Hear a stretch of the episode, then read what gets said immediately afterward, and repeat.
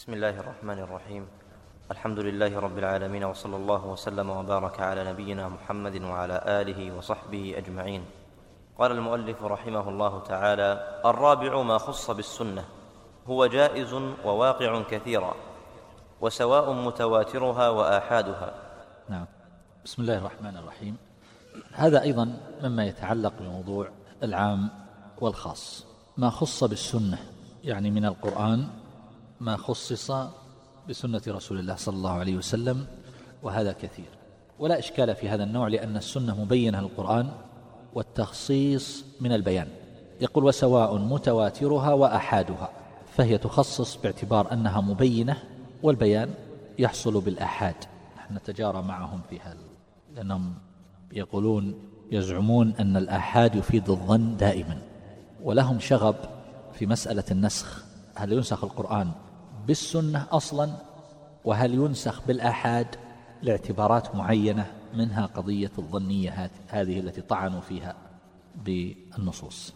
فيقولون النسخ رفع والرفع لا يكون بالأضعف أما البيان فإنه يحصل بالآحاد. هكذا على كل حال نحن نقول التخصيص يحصل بالسنة سواء كانت متواترة أو آحاد كما قال المؤلف. وهذا القول الذي عليه عامة الأصوليين وما يقال سوى هذا فهو شاذ. مثال على تخصيص القرآن بالسنة. مثال على تخصيص القرآن بالسنة. أمثلة كثيرة. مثل إيش؟ ها؟ والسارق والسارقة فاقطعوا أيديهما. السارق يعم كل. فالسنة خصصت أن القطع لا يكون إلا بربع دينار. أكثر ها؟ الأدلة دلت على أنه لا يقطع بأقل من ربع دينار. وأيضا ها كيف؟ حرمت عليكم الميتة. خص بالسنة بإيش؟ أحلت لنا ميتتان. وأيضا نعم. في المحرمات من النساء أحل لكم ما وراء ذلكم مما ذكر المحرمات. والسنة خصت ذلك. النهي عن الجمع بين المرأة وخالتها والمرأة وعمتها. تفضل نعم. الخامس ما خص منه السنة. هو عزيز ولم يوجد إلا قوله تعالى حتى يعطوا الجزية ومن أصوافها والعاملين عليها حافظوا على الصلوات. خصت أمرت أن أقاتل الناس وما أبين من حي ميت ولا يحل الصدقة لغني والنهي عن الصلاة في الأوقات المكروهة. نعم هذه تحتاج تعديل. ما خص منه السنة يعني ما خص من القرآن للسنة هذا عكس اللي قبله. هناك سنة خصصت قرآن. هنا الآن قرآن خصص السنة وهذا يستشكله بعضهم. يقول القرآن مبين للسنة كيف يخصصها. يقول لا إشكال في هذا. الواقع يدل على صحته. يقول وهو عزيز يعني قليل الوجود والوقوع. هذا الآن ترتيب الذي مشى عليه. هذا يسمونه باللف والنشر المرتب. يعني يذكر جملة أشياء ثم يذكر بعد ذلك أحكامها المتعلقة بها على الترتيب الذي ذكره أولا. تعطي كل واحد حكمه بحسب الترتيب. وهناك نوع آخر يسمونه اللف والنشر المشوش. فمنهم شقي وسعيد. شقي وسعيد. فأما الذين شقوا ففي النار. لهم فيها زفير وشهيق خالدين فيها ما دامت السماوات والأرض. ثم إلى أن قال وأما الذين سعدوا فهذا يقال له لف ونشر مرتب. وأما المشوش فأن يبدأ بالثاني مثلا بعد قبل الأول. مثل إيش؟ يوم تبيض, وجوه وتسود وجوه. فأما الذين اسودت وجوههم أكفرتم بعد إيمانكم. فذوقوا العذاب بما كنتم تكفرون. وأما الذين ابيضت وجوههم ففي رحمة الله هم فيها خالدون. فالذي أمامنا الآن يعتبر لف ونشر مرتب. لف ذكر جملة من القضايا ثم ذكر أحكامها بعد ذلك نشرها. مرتبة بحسب ترتيب الأولى. مجموعة. فانظر الآن إلى الأحكام مرتبة حتى يعطوا الجزية. وين الحديث الأول اللي ذكره قال خصت أمرت أن أقاتل الناس. فقوله صلى الله عليه وسلم أمرت أن أقاتل الناس هذا عام. وهو مخصوص بقوله قاتلوا الذين لا يؤمنون بالله ولا باليوم الآخر ولا يحرمون ما حرم الله ورسوله ولا يدينون دين الحق من الذين أوتوا الكتاب حتى يعطوا الجزية. فإذا أعطوا الجزية فإنه يكف عن قتالهم. طيب. ما أبين من حي فهو ميت؟ هذا عام. ما أبين؟ ما هذه للعموم؟ ما الذي خصصه ومن أصوافها وأوبارها وأشعارها؟ فإذا جزت لا يقال إنها نجسة مع أن البهيمة كانت حية. وهكذا في قوله والعاملين عليها العاملين على الزكاة. عموم قول النبي صلى الله عليه وسلم لا تحل الصدقة لغني ولا لذي مرة سوي. لا تحل الصدقة لغني. الصدقة يعني الزكاة. فهذا من العاملين عليها ممن وظف ممن لا يأخذ مقابل لكن يعطى من لا يأخذ راتبا. لكنه يعطى من الزكاة التي جمعها. وهذا ليس المتبرع. أو اللي يعمل بجمعية خيرية يتأول ويأخذ من الأموال ويقول أنا من العاملين عليه هذا لا يجوز.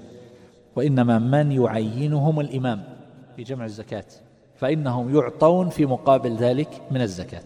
فهنا قد يكون هذا غني والنبي صلى الله عليه وسلم يقول لا تحل الصدقة لغني هذا عام. فيستثنى منه ما ذكره الله عز وجل. فكل آية مخصصة للحديث. يقول حافظوا على الصلوات. هذا مخصص للنهي عن الصلاة في الأوقات المكروهة. النبي صلى الله عليه وسلم يقول لا صلاة بعد الصبح حتى تطلع الشمس ولا صلاة بعد العصر حتى تغرب الشمس. الآن أوقات النهي. فالله عز وجل يقول حافظوا على الصلوات. فإذا كان الإنسان في هذه الأوقات يؤدي الفرض قضاء أو الآن هذا الإنسان تذكر أنه لم يصلي الظهر الساعة الخامسة عصرا. متى نقول يصليها؟ في الوقت. لأن الله يقول حافظوا على الصلوات. إلى غير ذلك طبعا من الأدلة من نام عن صلاة أو نسيها فليصليها إذا ذكرها يا بني عبد مناف لا تمنعوا أحدا. الحديث معروفة لكن الكلام الآن على فقط تخصيص السنة بالقرآن. تفضل نعم السادس المجمل ما لم تتضح دلالته وبيانه بالسنة. المبين خلافه. نعم. فهذا المجمل والمبين. يقول المجمل ما لم تتضح دلالته. لماذا لم تتضح دلالته؟ لسبب أو لآخر. إما بسبب الاشتراك مثلا لفظ مشترك مثل ما قلنا عسعس يراد به أقبل ويراد به أدبر. قد يكون بالقرب ما المراد بقوله يتربصن بأنفسهن ثلاثة قروء؟ نحتاج إلى دليل آخر يبين لنا المراد. هل هو الحيض؟ أو الطهر. لماذا؟ لأن اللفظ مشترك. فجاءنا الإجمال من جهة الاشتراك. فاللفظ محتمل للمعنيين لأنه مشترك. وقد يكون هذا الإجمال بسبب الحذف في قوله تبارك وتعالى وما يتلى عليكم في الكتاب في يتامى النساء اللاتي لا تؤتونهن ما كتب لهن وترغبون أن تنكحوهن. هذا المقصود به وترغبون أن تنكحوهن. يعني في أن تنكحوهن في نكاحهن ولا المقصود عن نكاحهن؟ ففي محذوف مقدر ما هو؟ فهذا يقال له مجمل. هل ترغب عن نكاحها لأنها قليلة الجمال مثلا قليلة المال؟ أو ترغب في نكاحها لجمالها أو لمالها؟ فهذا يحتمل. وقد يكون هذا الإجمال بسبب احتمال مرجع الضمير. الضمير يرجع إلى ماذا؟ إليه يصعد الكلم الطيب والعمل الصالح يرفعه. يرفعه أي الله يرفع العمل الصالح. أو الكلم الطيب يرفع العمل الصالح. أو العمل الصالح يرفع الكلم الطيب. كل هذا هذه احتمالات. وقال بأهل العلم بهذا وبهذا وبهذا. كل طائفة ذهبت إلى قول بسبب احتمال مرجع الضمير. وهكذا قد يكون بسبب احتمال العطف أو الاستئناف وما يعلم تأويله إلا الله. والراسخون في العلم يقولون آمنا به. هل واو استئنافية أو عاطفة؟ طبعا نستطيع أن نعالج هذه الأمثلة بمعالجات معينة إما قرائن من اللفظ أو بأدلة خارجية. هذا هذا هو الذي يرتفع به الإجمال لكن من حيث هو فيه إجمال. وما يرتفع به الإجمال هذا هو الذي يقال له البيان. أحيانا اللفظة نفسها تكون غريبة. يعني في مثل فلا تعضلوهن ما المراد به؟ وأحيانا يكون لأمر آخر. على كل حال الإجمال يبقى المعنى فيه غير متضح تماما لسبب أو لآخر. هذا المجمل. يقول ما لم تتضح دلالته وبيانه بالسنة. وليس بالسنة فقط يكون بيانه بالسنة وبالقرآن. يعني مثلا في قوله تبارك وتعالى فإذا قرأت القرآن فاستعذ. ظاهر الآية لو أخذنا ظاهر الآية إذا قرأت القرآن فاستعذ أن الاستعاذة تكون بعد القراءة ولا لا؟ وهذا قال به بعض أهل العلم. قالوا الاستعاذة تكون بعد ما تنتهي من القراءة. طيب إيش الفائدة إذن؟ قال الفائدة ما تعرف إيش الفائدة؟ الفائدة أن الواحد يستعيذ حتى ما يلحقه العجب فيبطل عمله. فنقول نحن هذا إذا صار هذا بالنسبة لك على الأقل مجمل. فبينته السنة فكان النبي صلى الله عليه وسلم يستعيذ قبل القراءة. وأيضا فاستعذ. هنا كيف نستعيذ؟ ما بين. فالنبي صلى الله عليه وسلم وردت عن صيغ في الاستعاذة فهي مبينة. ولهذا بعض أهل العلم يقول الله قال فاستعذ فنستعيذ بأي طريقة. ولهذا جاءوا بصيغ لم ترد عن النبي صلى الله عليه وسلم قال بها بعض السلف أعوذ بالله العزيز القاهر أو القادر من الشيطان الغادر. هذه صيغ قال بها بعض العلماء لكن نقول أن السنة بينت هذا. واضح؟ كذلك أقيموا الصلاة آتوا الزكاة مجمل. كيف؟ ما هي الأوقات؟ كم عدد الركعات؟ ماذا نقول في كل ركعة؟ في كل إيتاء الزكاة ما هي الأموال الزكوية؟ ما هي الأنصبة؟ ما هي قدر المخرج؟ هذا بينته السنة وقد يكون الذي بينه القرآن. فكلوا واشربوا حتى يتبين لكم الخيط الأبيض من الخيط الأسود. هذا مجمل ولا لا؟ لهذا عدي بن حاتم رضي الله عنه فهم منها. جاء بعقالين أبيض وأسود. وجلس ينظر. فبينه القرآن من الفجر. هذا بيان أن المسألة ليست عقال. وهكذا. أحلت لكم بهيمة الأنعام إلا ما يتلى عليكم. ما الذي يتلى علينا؟ هذا مجمل. حرمت عليكم الميتة والدم ولحم الخنزير. وعلى الذين هادوا حرمنا ما قصصنا عليك من قبل. ما الذي قصه؟ هذه في النحل. وفي الأنعام وعلى الذين هادوا حرمنا كل ذي ظفر ومن البقر والغنم حرمنا عليهم شحومهما إلا ما حملت ظهورهما أو الحوايا أو ما اختلط بعظم. وهذا يستدلون به على أن سورة الأنعام نزلت قبل سورة النحل وكلاهما مكي وقل مثل ذلك أيضا. في قوله تبارك وتعالى وأوفوا بعهدي أوفي بعهدكم. ما هو عهده؟ وما هو عهدهم؟ هذا مجمل. فيقول الله عز وجل لئن أقمتم الصلاة وآتيتم الزكاة وآمنتم برسلي وعزرتموهم وأقرضتم الله قرضا حسنا لأكفرن عنكم سيئاتكم. فهذا عهده وهذا عهدهم. مبين ما ليس فيه إجمال أصلا. مثل إيش؟ مثل الله لا إله إلا هو. الحي القيوم. هذا مبين. هذا بين في نفسه ظاهر المعنى لا يحتاج إلى غيره. و والمبين هو الذي يحصل به البيان. وكشف الإجمال. نعم. السابع المؤول ما ترك ظاهره لدليل. نعم. المؤول ما ترك ظاهره لدليل. نحن عندنا المعنى هكذا. يعني المجمل آه، عفوا. عندنا لفظ في دلالته على المعنى. إذا كان اللفظ يدل على المعنى المراد يدل على المعنى المراد بدلالة يدل على ذلك دلالة قاطعة. مثلا واضح؟ بلا تردد. ولا يحتمل معنى آخر. فهذا الذي يسمى بالنص. ما في احتمال ثاني. وإذا كان يدل على معنيين على جهة التساوي. واضح؟ يعني أنت متردد بين هذا وهذا بدرجة متساوية فهذا يقال له الشك نسبة تسمى الشك.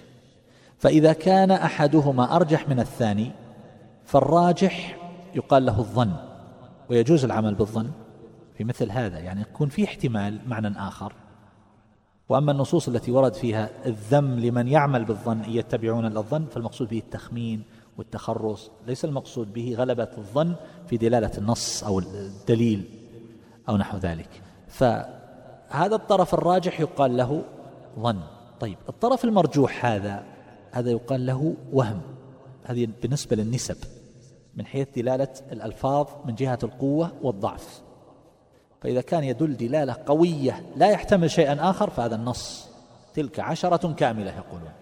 وإذا كان يحتمل لكن الاحتمال ضعيف احتمال ضعيف فهنا هذا يقال له الظن. والاحتمال الضعيف يقال له الوهم.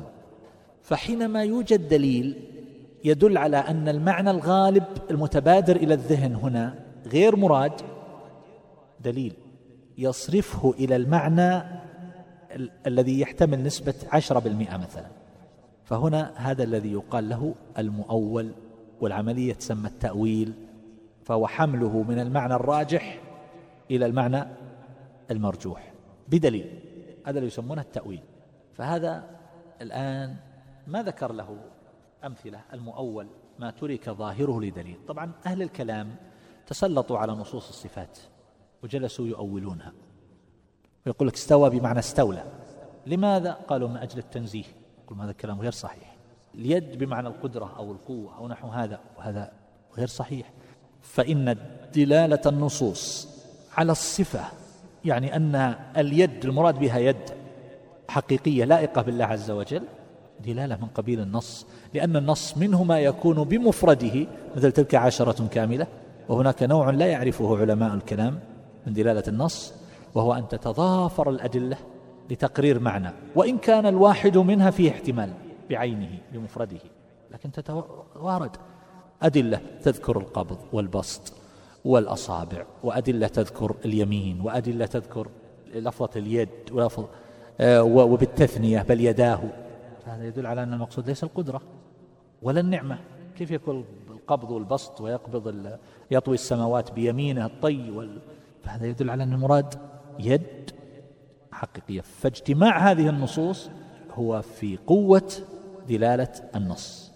فدلالة النص لها صورتان. المهم التأويل لا يجري بنصوص الصفات ولا بنصوص المعاد لكن قد يجري بأشياء أخرى. يعني من من أشهر الأمثلة التي يمثل بها الأصوليون في قوله قول النبي صلى الله عليه وسلم الجار أحق بصقبه. الجار. فهذا الظاهر المتبادر منه أنه الجار أي جار. جارك في البيت إذا جاء يبيع بيته فأنت أحق به. المفروض أن يعرض عليك أولا حتى لا تبتلى بجار سيء. فإذا ما كان لك رغبة يبيعه لآخر. لكن هذا المعنى المتبادر غير مراد. لكن بدليل. ما هو الدليل؟ قوله صلى الله عليه وسلم فإذا صرفت الطرق فلا شفعة. إذا دل على أنه جار يراد به ليس كل جار وإنما الشريك. الشريك غير المقاسم. يعني أن تكون قد تشترك مع إنسان في بيت. دوبلكس كما يقال. أنت لك هذا وله هذا. هنا ما يحق له. تبغى تبيعه تبيعه. أنت مشترك معه في أرض في مزرعة. من الحد هذا إلى الحد هذا لك. ومن الحد هذا إلى الحد هذا لي. فهنا أبيع لأي أحد. ليس له حق. لكن المال المشترك المشاع. أنا لنصف هذه المزرعة لكن ما هو محدد. أنا دفعت مئة ألف وأنت دفعت مئة ألف. فهنا هذا هو الجار المراد هنا. فهذا حمل له على المعنى الاحتمال الضعيف لكن لوجود هذا الدليل. فهذا هو الذي يسمى بالمؤول أو التأويل. واضح؟ قد يقول قائل من القرآن مثلا هل يوجد مثال على ذلك؟ مثال على التأويل. يحضركم مثال؟ المؤول؟ ها؟ اخفض لهما جناح الذل من الرحمة. اخفض لهما جناحك الذليل وجناح الإنسان طرفه ويده باب إضافة الموصوف إلى الصفة. يعني هذا عند أهل المجاز. نحن نقول هذا على ظاهره. طرف الإنسان. فإذا إنسان أراد أن يبطش رفع يده. نعم. لا. والسماء بنيناها بأيد. الأيد غير الأيدي. ما هو جمع يد؟ يعني بقوة. هذا مو بتأويل هذا معناها في اللغة. هذا غير صحيح. هذا الأيد وداود ذا الأيد يعني القوة. شيخ الإسلام تيمية رحمه الله كان يتحدى الأشاعرة. يقول ائتوني بنص واحد من القرآن في نصوص الصفات طبعا أول. فجو قالوا عند راح ذهبوا وأمهلهم. وقال أنا أمهلكم يعني في, في الوسطية قالوا أمهلكم ثلاث سنوات. اذهبوا تعالوا راحوا جابوا عالم الهند ابن الهندي وأصولي وجاءوا قال فيه دليل. فقال له شيخ الإسلام كل شيء هالك إلا وجهه. قال نعم. شيخ الإسلام سبقه قال تقصد هذه؟ فهذه ليست من نصوص الصفات. نعم. من القرآن. إيش؟ والجاري. الجنب ما في. وين التأويل؟ جار القريب والجار الملاصق الذين آمنوا ولم يلبسوا إيمانهم بظلم فالظلم ظاهره نكرة هنا في سياق النفي يحمل على كل ظلم وحمل على معنى خاص وهو الشرك لدليل يمكن يقال هذا هذا في غير نصوص الصفات. نعم. بعضهم يقول في قوله تبارك وتعالى ما يكون من نجوى ثلاثة إلا هو رابعهم ولا خمسة إلا هو سادسهم. ظاهره أنه معهم. ولا أدنى من ذلك ولا أكثر إلا هو مع أن المعية ذاتية. لكن كما قال الإمام أحمد رحمه الله أهل السنة يقول المعية هنا بالعلم. ما الدليل؟ قالوا الدليل موجود في نفس الآية أنه ابتدأها بالعلم وختمها بالعلم. واضح؟ لا نطيل في هذا.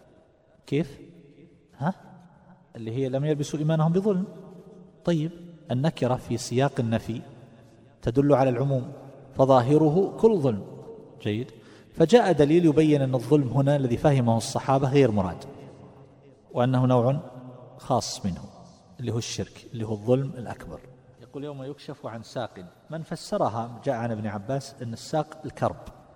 فالساق يأتي في لغة العرب بمعنى الكرب لكن بشرط أن يثبت صفة الساق من الحديث فيكشف عن ساقه. فإذا أثبت الصفة يبقى هذا غاية ما يقال إنه من قبيل الخطأ في التفسير عند من يخالف فيه.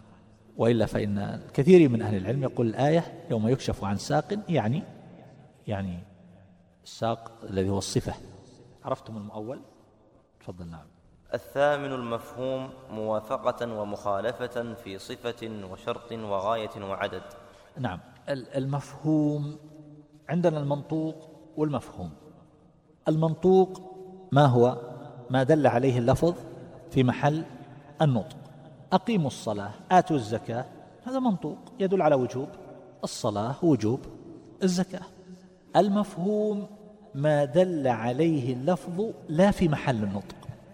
يعني فهم وهو ينقسم إلى قسمين. مفهوم موافقة ومفهوم مخالفة. يعني المسكوت عنه يقال له المفهوم. منه ما يوافق حكم المنطوق ومنه ما يخالف حكم المنطوق. واضح؟ فيقول موافقة. مفهوم الموافقة. ومفهوم الموافقة ينقسم إلى قسمين. قسم يقال له فحوى الخطاب وهو ما كان الحكم فيه من باب الأولى. يعني أن المسكوت أولى من المنطوق. يعني هو موافق له لكنه أولى مما ذكر. فلا تقل لهما أف.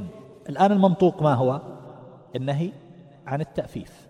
هذا المنطوق أليس كذلك؟ ما هو المسكوت عنه؟ الضرب الشتم القتل أليس كذلك؟ فالمنطوق لا تقل لهما أف.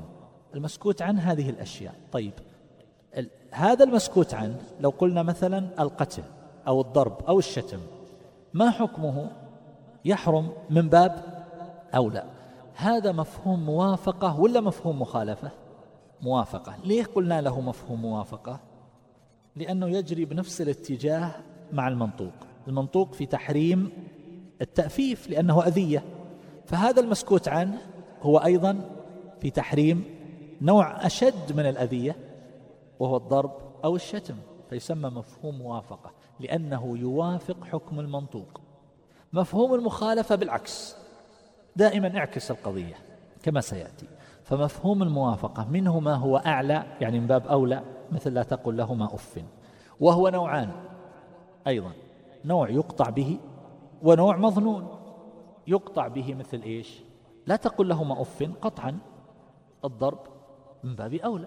لكن مظنون. إن جاءكم فاسق بنبأ. فاسق بنبأ. طيب إن جاء كافر يقولون من باب أولى. طبعا المثال عندنا تحفظ عليه لكن المقصود التوضيح. وإلا كلمة فاسق تشمل الكافر والعاصي. لكن عامة الأصوليين يمثلون بهذا المثال. فيقولون الكافر من باب أولى. طيب الكافر قد يكون عدلا في دينه يحرم دينه عليه الكذب فيمتنع من الكذب. معنى المثال كما قلت يشمل هذا وهذا ولذلك ما يقال الكافر من باب أولى لأن كلمة فاسق تشمل هذا وهذا. نهى عن التضحية بالشاة العوراء. طيب والعمياء من باب أولى. لكن هل نقطع بهذا؟ لا. لماذا لأن العمياء ترعى وهي رابضة. يجيب لها أحسن العلف ويضعه بين يديها. ما تحتاج تذهب إلى. أما العوراء فإنها ترى نصف المرعى وذلك مظنة للهزال. وهذا العمى صار مظنة للسمن. وعندنا مفهوم موافقة مساوي مساوي الحكم المنطوق مثل النهي عن أكل مال اليتيم وإتلاف مال اليتيم بغير الأكل. هذا مفهوم موافقة لكن هل هو من باب أولى ولا مساوي؟ مساوي. هذا المساوي يسمونه لحن الخطاب. ومخالفة عرفنا المخالفة ما يخالف حكمه حكم المنطوق. جاب الأمثلة. هذه الأنواع عفوا اللي ذكرها الصفة والشرط والغاية هذه تبع مفهوم الموافقة ولا مفهوم المخالفة؟ المخالفة. أنواع مفهوم المخالفة. أنواع مفهوم الداخلة تحت مفهوم المخالفة ليست على مستوى واحد في القوة منها ما لا يحتج به في غاية الوهاء ومنها ما هو قوي جدا. يعني مفهوم مثلا الحصر بلا وإلا. هذا قوي بقوة المنطوق. مفهوم الحصر يأتي بعده بإنما قوي. مفهوم الشرط مفهوم الصفة أقوى من مفهوم العدد. مفهوم اللقب أضعفها. الآن انظر الأنواع التي ذكرها. أنواع مفهوم المخالفة. قال ومخالفة في صفة يعني من أنواع مفهوم المخالفة الصفة مثل إيش؟ إن جاءكم فاسق بنبأ. فاسق صفة. مفهوم المخالفة اعكس. إن جاءكم فاسق بنبأ فتبينوا. ما هو المسكوت هذا المنطوق؟ الأمر بالتبين إذا جاء فاسق بنبأ. المسكوت عنه ما هو؟ إن جاءك عدل فلا تتبين. واضح؟ لذلك قيل له مفهوم المخالفة. في صفة وشرط. وإن كن أولات حمل فأنفقوا عليهن حتى يضعن حملهن. هذا المنطوق. المفهوم المسكوت عنه إن لم يكن أولات حمل فلا نفقة. المطلقة البائن طلق بائن إما بخلع وإما أن تكون طلقة ثالثة. إن كن أولات حمل فأنفقوا عليهن فإن لم تكن من أولاة الحمل فلا نفقة لها.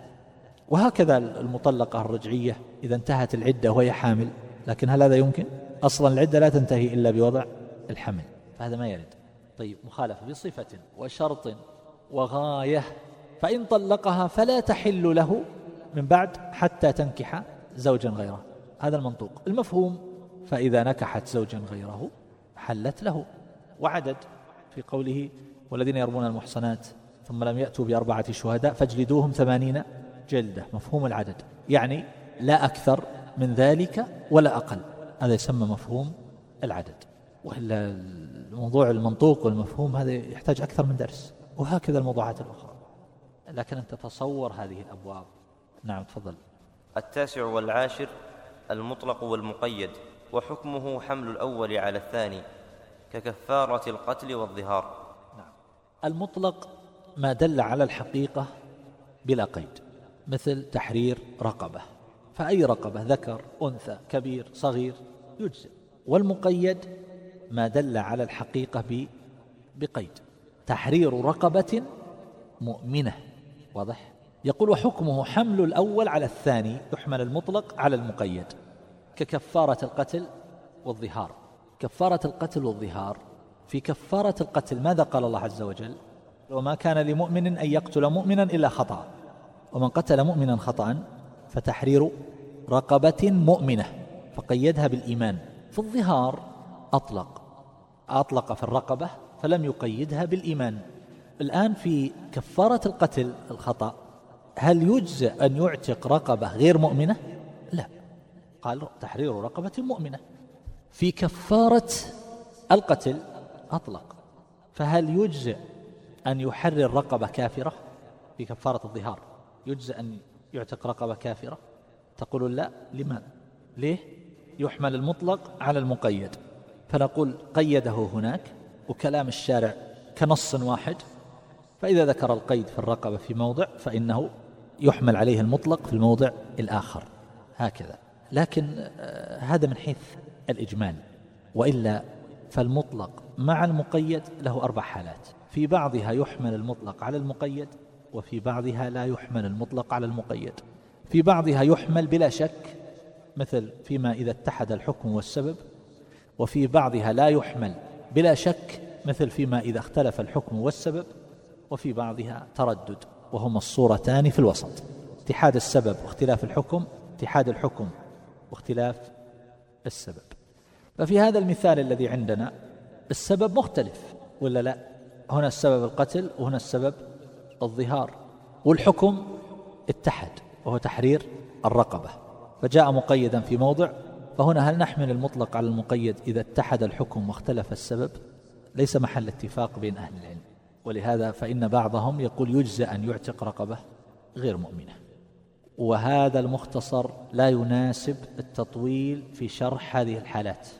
لكن يكفي الإشارة هنا أن تدرك أن قضية حمل المطلق على المقيد أنها ليست على إطلاقها وأن له أربع حالات أحيانا منها ما يحمل قطعا ومنها ما لا يحمل قطعا ومنها ما يبقى محل خلاف. هذا القدر إذا, إذا, إذا فهمته الآن يكفي. والعلم ما يؤخذ جملة. تدرس أشياء في كتب أخرى في أصول الفقه وتدرس من هنا في موضوعات تتعلق بالتفسير أو بالحديث أو وتمر بك تفاصيل فيجتمع من هذا وهذا وحدة متكاملة. والأمثلة على هذا كثيرة. يقول كفارة القتل ومن يكفر بالإيمان فقد حبط عمله. فهذا مطلق. لكن قيدته الآية الأخرى. ومن يرتدد منكم عن دينه فيمت وهو كافر. فحبوط الأعمال مقيد بالموت على الكفر. تفضل نعم. وكل منسوخ فناسخه بعده إلا آية العدة والنسخ يكون للحكم والتلاوة ولأحدهما. نعم. الناسخ والمنسوخ.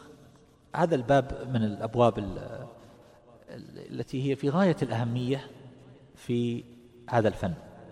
ولا بد منه ولا يجوز لأحد أن يتكلم في الأحكام وفي معاني القرآن إلا ويعرف الناسخ والمنسوخ. والشواهد على هذا موجودة. المؤلفات في الناسخ والمنسوخ كثيرة قديما وحديثا.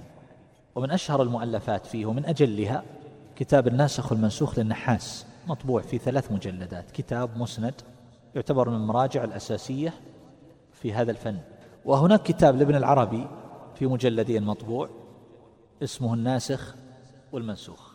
هناك كتاب ثالث لمكي ابن أبي طالب اسمه الإيضاح الإيضاح لناسخ القرآن ومنسوخه. وهناك أيضا كتاب لأبي منصور البغدادي اسمه الناسخ والمنسوخ لكنه لم يقتصر فيه على الناسخ والمنسوخ من القرآن. ومن الكتب أيضا كتاب نواسخ القرآن لابن الجوزي مطبوع في مجلد كبير. ومن الكتب أيضا في هذا كتاب الناسخ والمنسوخ لأبي عبيد القاسم ابن سلام.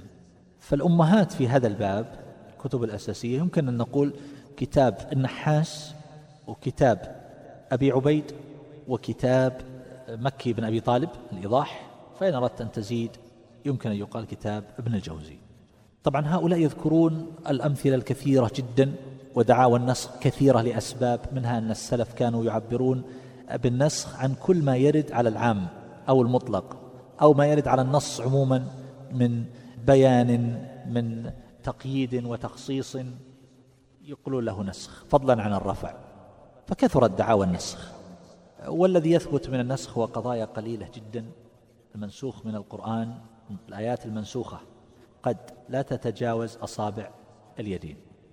إذا توسعنا.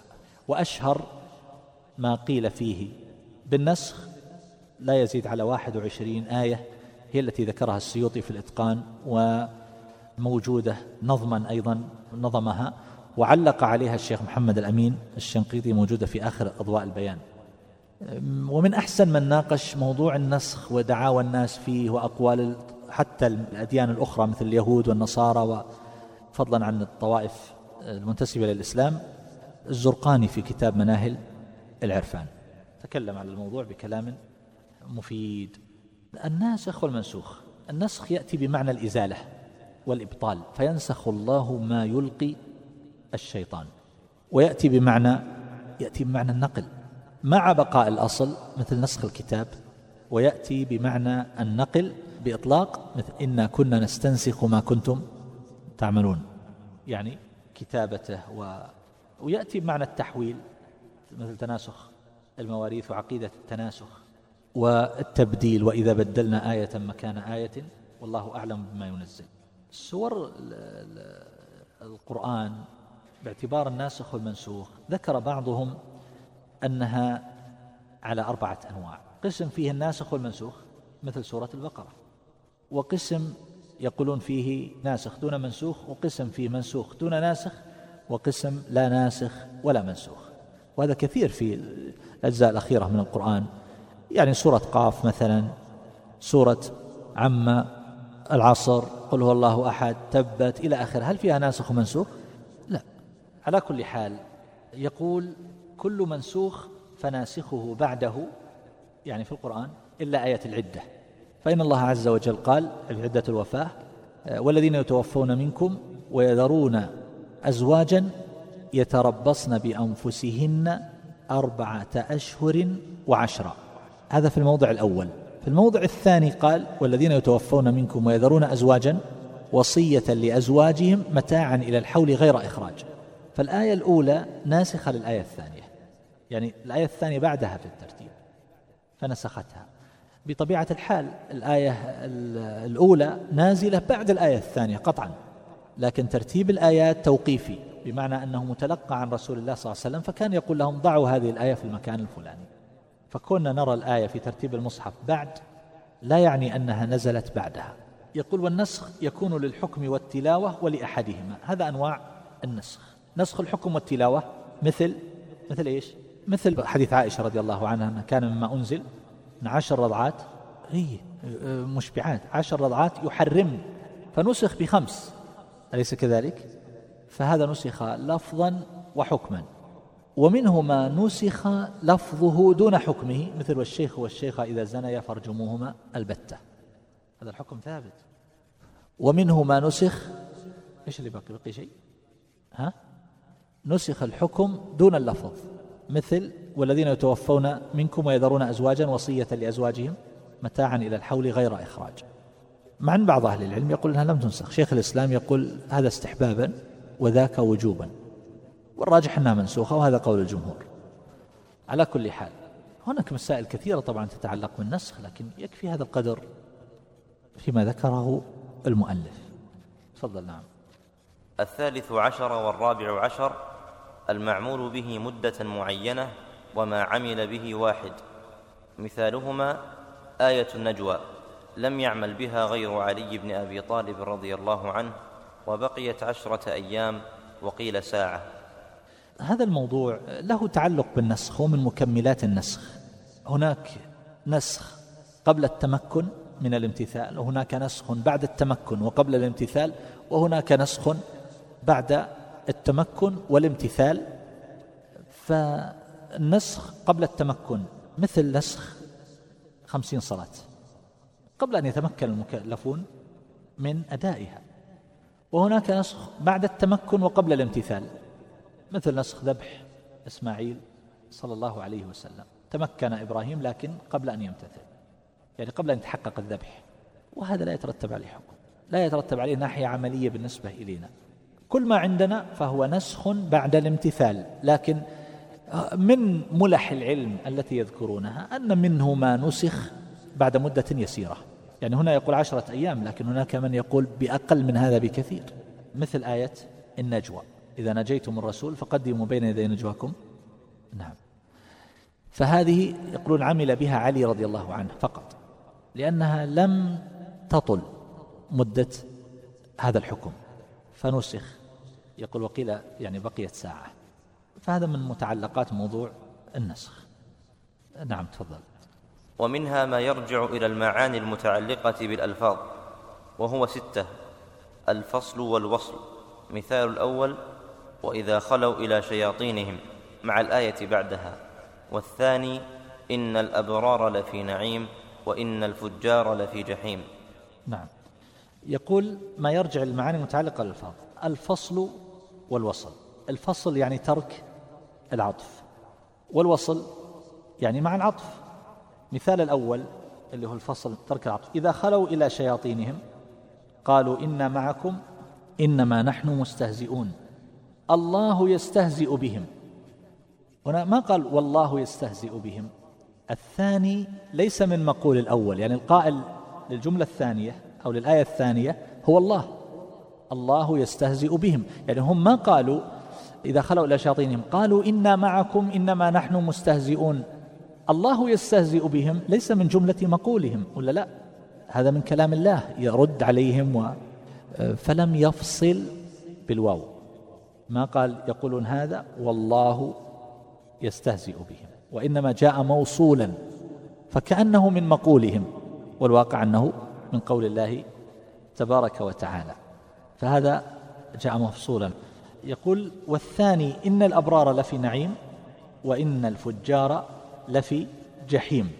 فهنا جاء بالعطف جاء بالوصل مع أنه من مقول من قائل واحد. فجاء بالوصل للمناسبة بينهم. ذكر نعيم هؤلاء ذكر ما يقابله من جحيم ومن العذاب والجحيم لهؤلاء. تفضل نعم. الإيجاز والإطناب والمساواة مثال الأول ولكم في القصاص حياة والثاني قال ألم أقل لك والثالث ولا يحيق المكر السيء إلا بأهله. نعم. المقصود بالإيجاز والإطناب والمساواة الإيجاز أن يأتي اللفظ في غاية الاختصار والمعنى الذي تحته كبير. والإطناب هو أن يأتي اللفظ طويل والمعنى قصير. والمساواة أن يأتي اللفظ مساويا للمعنى مكافئا له على قدر المعنى. طبعا الأصل أن الإيجاز هو مقتضى الفصاحة. بكلمات قليلة تؤدي معاني كثيرة. هذا الأصل. لكنه أحيانا تكون الفصاحة أحيانا أحيانا في الإطناب في موضع الإطناب. يعني يكون موضع يحسن فيه الاسترسال. إما بذكر أوصاف محبوبة أو نحو وهذا في كلام الناس معروف. فيحسن الإطناب أحيانا. وهذا تجدونه في تمدح الشعراء أحيانا. و آه، يقول مثال الأول اللي هو الإيجاز. ولكم في القصاص حياة. وهنا حياة منكرة. وهذا التنكير يدل على التعظيم. لكم في القصاص حياة. هذه تحتها معاني كثيرة جدا. والعلماء يقارنون بينها وبين المثل المعروف عند العرب القتل أنفى للقتل. يقولون يقولون القتل. وهنا القصاص فالقتل قد يكون بحق وقد لا يكون بحق. هنا قال قصاص. والقصاص يكون بالمثل تماما مثل يقص الأثر بينما القتل قد لا يكون. ويقولون القتل أنفى للقتل قد ينفي القتل لكن تبقى الحياة مهددة وتبقى الحياة بائسة وتبقى الحياة. وهنا لكم في القصاص حياة ما هو فقط ينتفي القتل. واضح؟ يذكر العلماء معاني وأشياء يعني كبيرة تحت. قوله تعالى ولكم في الحياة قصاص. واقرأوا ما كتبه الباقلاني مثلا في كتاب إعجاز القرآن حول هذه القضية. آه، ومقارنة هذا بالمثل المعروف عند العرب. فاللفظ قصير تحته معاني كثيرة. مثل خذ العفو وأمر بالعرف وأعرض عن الجاهلين. يقول هذه جمعت الآداب كلها بعبارة موجزة. الثاني اللي هو الإطناب قال ألم أقل لك إنك لن تستطيع معي صبرا؟ كان بالإمكان أن يقول قال لن تستطيع معي صبرا مثلا. أو قال قلت لن تستطيع معي صبرا. قال ألم أقل لك إنك لن تستطيع. طبعا هذا الإطناب الآن له دلالات بلاغية. يعني مثلا في المرة الأولى قال له لما خرق السفينة وسأله قال ألم أقل إنك لن تستطيع معي صبرا؟ فإن هنا تدل على التأكيد. في الثانية قال ألم أقل لك؟ والآن سأل مرة ثانية فاحتمله في الأولى. فجاء الجواب أقوى في الثانية. قال ألم أقل لك؟ لاحظتم؟ فلها دلالات. فالإطناب هذا يعطي معاني ودلالات وإن كانت غير ضرورية لفهم أصل المعنى. فيكون فصاحة وبلاغة في المواضع التي يؤدي فيها معاني وكما هو الحال بالنسبة للقرآن. والمساواة قال ولا يحيق المكر السيء إلا بأهله. اللفظ على قدر المعنى بلا زيادة ولا نقصان. تفضل نعم. السادس القصر ومثاله وما محمد إلا رسول نعم. السادس القصر. الآن هناك ذكر ثلاثة أنواع ثم ذكر ث... كم نوع ذكر هناك؟ المعاني. الفصل والوصل ذكر اثنين. ثم ذكر ثلاثة ثم ذكر هذا السادس اللي هو القصر. ومثاله ما محمد إلا رسول. هذا القصر. قصره على الرسالة. طبعا قد يقول قائل محمد عليه الصلاة والسلام ليس برسول فقط بل هو زوج وقائد ومربي ورجل. فهذا القصر له فائدة. ما كانوا ينكرون كونه رجل وأب وزوج وما أشبه ذلك. إنما جدالهم في قضية مثلا الرسول أو إذا كان ذلك مثلا متوجها لأهل الإيمان فمن أجل أن يقرر لهم أن مهمته هي الرسالة وإلا فإنه سيموت كما مات غيره. وما محمد إلا رسول قد خلت من قبله الرسل فهو يؤدي هذه المهمة ولكن ذلك لا ينفي عنه الموت. نعم تفضل. ومن أنواع هذا العلم الأسماء. فيه من أسماء الأنبياء خمسة وعشرون والملائكة أربعة وغيرهم إبليس وقارون وطالوت وجالوت ولقمان وتبع ومريم وعمران وهارون وعزير. ومن الصحابة زيد. نعم. يقول فيه من أسماء الأنبياء خمسة وعشرون. من هم؟ سريعا. آدم صلى الله عليه وسلم. سريعا. ونوح. وإبراهيم. وموسى وعيسى وإسماعيل وإسحاق ويحيى وزكريا. ويحيى وزكريا وإلياس. وإلياس وهود وصالح يونس. وشعيب. ها؟ شعيب. وذكرنا إسحاق. يونس. ها؟ يونس وسليمان وداود واليسع وذو الكفل. فهم خمسة وعشرون. يعقوب ذكرناه؟ يوسف. يعقوب ويوسف. ها؟ وأيوب. آه وزكريا. ذكرنا يحيى. نعم. آه هارون خمسة وعشرون نبيا. والملائكة يقول أربعة. هو يريد جبريل وميكال وذكر هاروت وماروت باعتبار أنهم ملائكة. وهذا ليس محل اتفاق. بعضهم يقول إنهما ملكان وأن لفظة ملكين ملك تطلق على الملك لغة فيها. وبعضهم يفسر الآية بطريقة أخرى يقول فيها تقديم وتأخير. وليس هذا موضعه. لكن الكلام في الأسماء المذكورة وهذا يسير. لا يحتاج إلى كثير يعني تطويل. لكن هناك ملائكة آخرين مثل مالك. قالوا يا مالك خازن النار. وبعضهم ذكر الرعد. يسبح الرعد. والنبي صلى الله عليه وسلم قال الرعد ملك من الملائكة الرعد صوته والبرق سوطه فالرعد ملك من الملائكة. فالرعد يطلق أحيانا يراد به الصوت. وأيضا هناك ملك يسوق السحاب موكل بالسحاب يقال له الرعد. وذكر بعضهم السجل يوم نطوي السماء كطي السجل لكن هذا مو بصحيح لأن ليس هذا اسم ملك وإنما السجل يعني الذي يطوي الصحيفة أو الكتاب. وبعضهم ذكر قعيد ما يلفظ من قول إلا لديه رقيب عتيد لكن هذه أوصاف وليست أسماء. على كل حال يقول وغيرهم يعني غير الملائكة والأنبياء إبليس وقارون وطالوت وجالوت ولقمان وتبع ومريم وعمران آه، وهارون. هارون كيف ذكر هارون هنا؟ ها؟ اي هارون آخر. غير النبي. يا أخت هارون. أحسنت. وعزير. عزير. ها؟ عند آزر. كيف؟ لا لا خلنا في عزير الآن. آزر ولكن ليس عزير. أنتم عندكم عزير ولا آزر؟ لا يقول آزر لم يأتي به هنا. ما أتى بآزر صح. لكن عزير هل هو مذكور في القرآن باسمه؟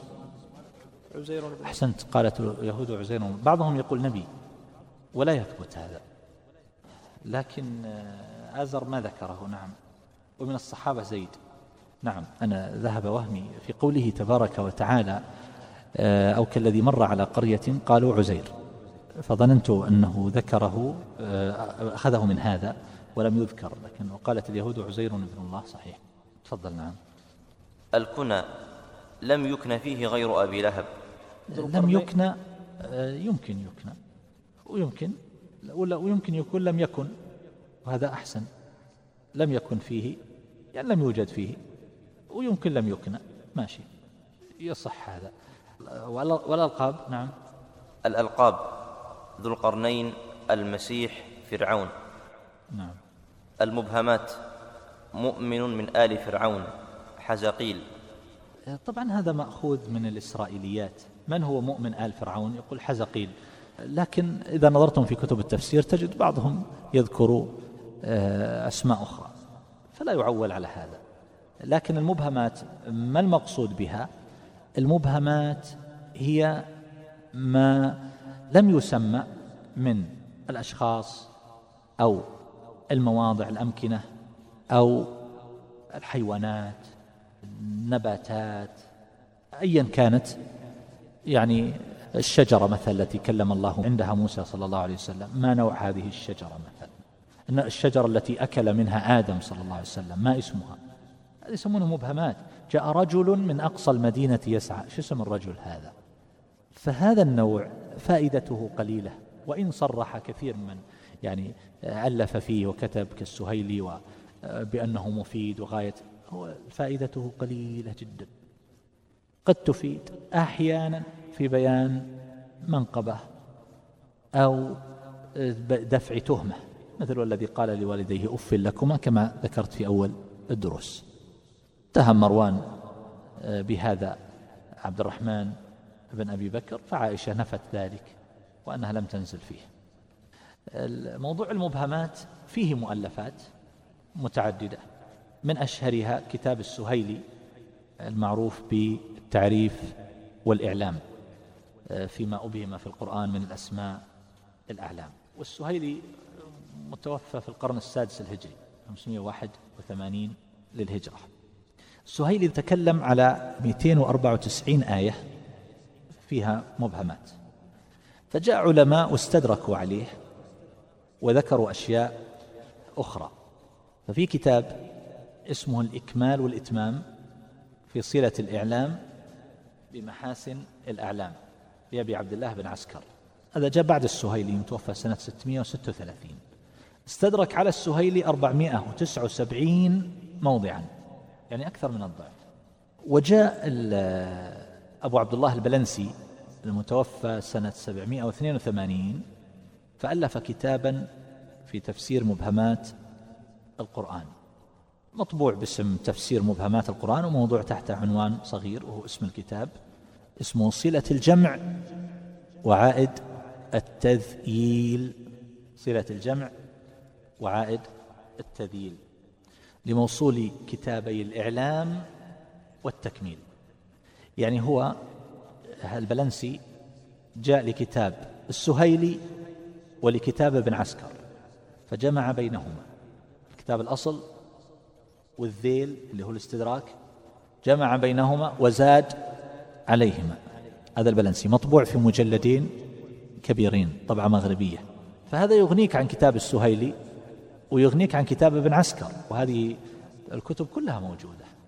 وابن جماعة أيضا له كتاب جمع فيه بين كتاب السهيلي وبين كتاب ابن عسكر سماه غرر البيان لمبهمات القرآن. وهذا الكتاب هو ملخص لكتاب هذا الكتاب مطبوع.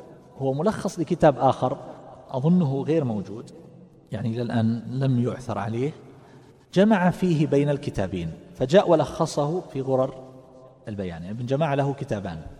من أشهر الكتب في هذا كتاب السيوطي اسمه مفحمات الأقران في مبهمات القرآن.